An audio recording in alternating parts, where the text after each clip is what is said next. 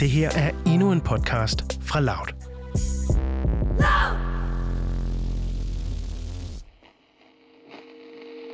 I USA der lukker de sociale medier ned for præsidenten. Men i Uganda der lukker præsidenten ned for de sociale medier.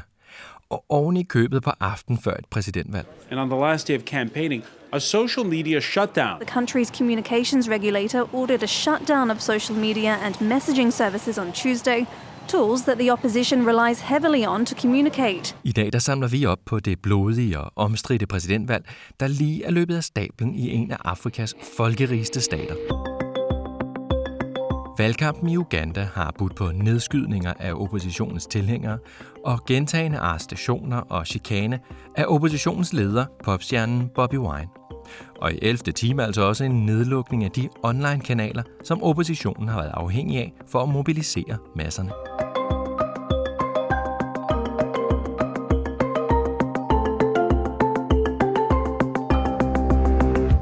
Lytter til Udsyn. Din vært, Pola Roshan Bakker.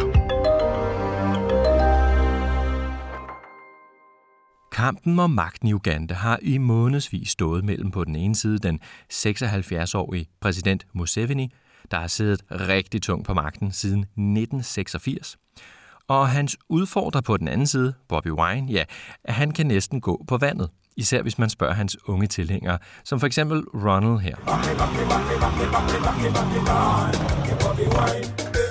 They call him the Jesus of Uganda. I mean, he's a savior. På udsyn der talte vi under valgkampen med 30-årige Ronald fra Uganda, blandt andet om, hvad det er, der er så dragende ved Bobby Wine. so many people are being controlled by fear, but Bobby Wine is one who beat fear and said, I can come over and uh, do something. And this is why he has a lot of followers. They look at him as hope. It is time for action, action that will put an end to the injustices, the oppression, and the impunity in our beautiful country, Uganda. Uganda har en befolkning på over 46 millioner mennesker, og hele 75 procent af dem de er under 30 år. Så de sukker efter politisk forandring, efter 36 år med den samme enerådige præsident Museveni. Det forklarer journalist Rasmus Beach, der har base i Sydafrika. Og herfra der dækker Rasmus store dele af Afrika. Det er dem, der er opvokset i et land, hvor de aldrig har set andre præsidenter og andre politiske ledere end, end Museveni og hans øh, bevægelse. Det er jo et land, som øh, har en meget kaotisk nyere historie, som endeligt ligesom blev mere eller mindre stabiliseret fra øh, slutningen af 80'erne under Museveni. Øhm, dengang var der jo nok mange, øh, som var okay tilfreds med bare, at der ikke skulle være krig, og at man ikke havde en, en morderisk diktator ved magten. Øhm, men den generation, som er vokset op, som er Bobby Wines generation, og dem, der er yngre end ham, er jo en del af øh, resten af verden, kan man sige. De har adgang til internettet, de har adgang til informationer, som, som folk ikke har haft før.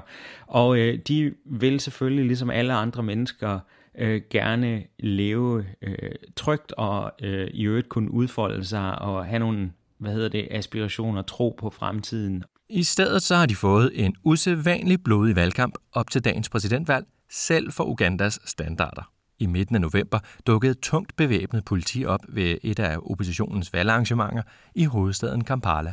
Police clashed with supporters of the opposition candidate Bobby Wine, leaving at least 54 people dead. Særligt her i slutspurten op til valgdagen har myndighederne haft rigtig travlt. Udover at lukke ned for de sociale medier, så har de ifølge nyhedsmedier også effektivt begrænset internationale valgobservatører i at komme til Uganda for at sikre sig, at alt går ordentligt til under valghandlingen. There will be fewer international observers this year, too.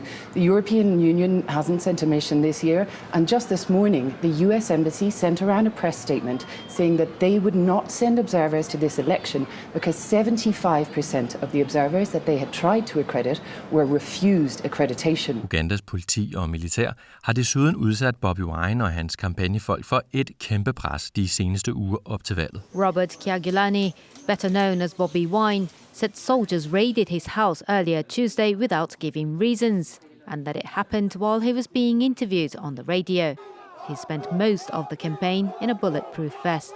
Den skudsikre vest det er ikke kun en rekvisit for Bobby Wine, for ifølge den siddende præsident Museveni, så er han en forræder og en marionetdukke i hænderne på fremmede magter. Det sagde han så sent som i sidste uge. Bobby Wine in particular is an agent of foreign interests. Tell me the country. I don't know who these foreigners are. Especially the Europeans. They are full of arrogance. Bare dagen for enden blev Bobby Wine hævet ud af sin bil af politiet, mens han filmede sig selv rette en appel til den internationale straffedomstol i Haag om at retsforfølge Museveni. 23 af Bobby Wines kampagnefolk blev arresteret ved lejligheden. It is my hope that the International Criminal Court will see it necessitating and indeed viable to see that General Museveni, General Eri Tumwine, and many others are presented uh, uh, um, are presented to the International Criminal Court because justice should chase everybody. Otherwise, the people of Uganda are continuously suffering in the dark. Uh, now I'm being arrested. As you can see, I'm being arrested. Hvis de seneste måneders valgkamp er en indikator for, hvad fremtiden bringer, så ser det ikke for godt ud for Ugandas unge befolkning. Men hvad er det for en forandring, de gerne vil se, siden de flokkes om Bobby Wine i den skudsikre vest? People are tired. Det kan vi passende høre Ronald om. 35 years of rulership. People feel they want a change. They want to see a new atmosphere of Uganda. They want to see the resources of Uganda equally shared to all the population of Uganda. They want to see the economy actually being changed. They want to, so many things about Uganda being in the right way that is expected that the, country, the citizens actually benefit from their own country. Jones.